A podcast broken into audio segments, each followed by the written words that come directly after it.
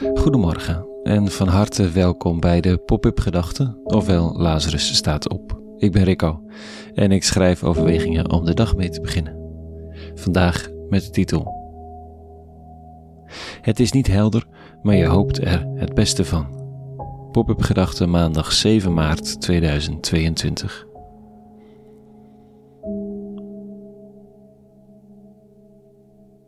Er leken heldere scheidslijnen te liggen tussen voor- en tegenstanders van coronamaatregelen.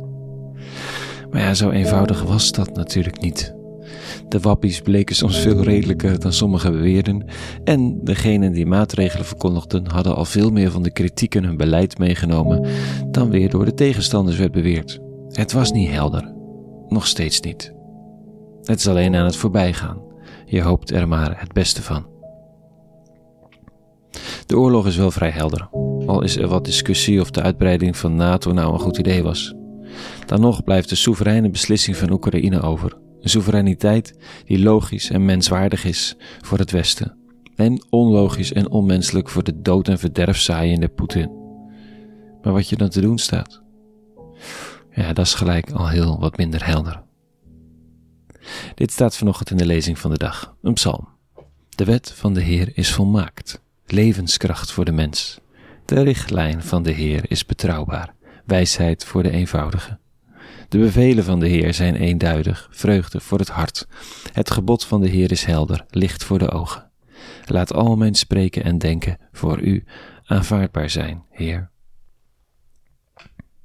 Ik ben een groot voorstander van dichterlijke vrijheid, maar ik vind deze toch wat ingewikkeld.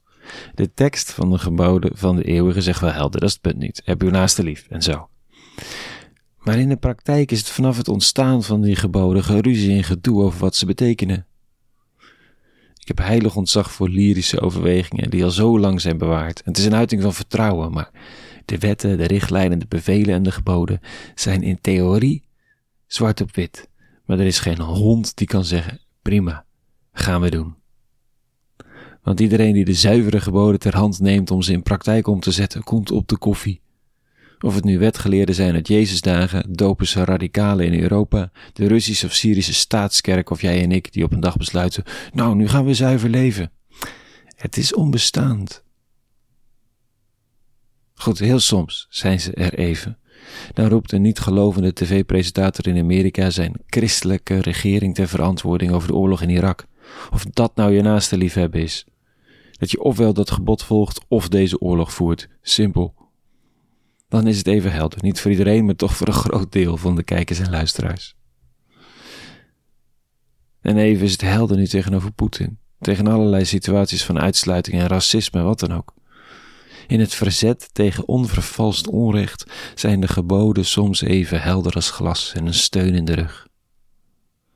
Tegelijk zijn ze nooit een blauwdruk voor het leven. Daarvoor is het leven te ingewikkeld.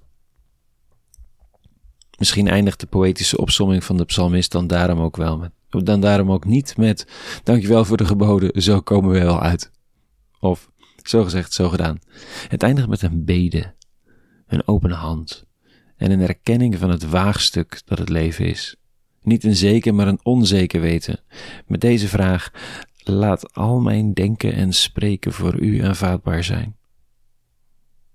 Geen hoge pretenties, geen weten, maar een hoop. Een besef dat je vandaag zult denken en spreken zonder zeker te weten of het allemaal aanvaardbaar zal zijn. Zonder zeker te weten of je niet op je schreden terug moet keren later.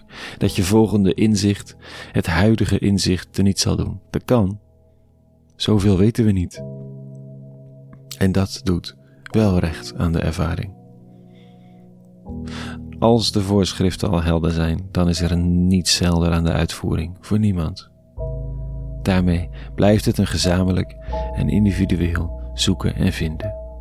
En hopen in verbinding met de eeuwige die de mens roept, oproept om te proberen. Tot zover vandaag. Een hele goede maandag gewenst en vrede. En alle goeds.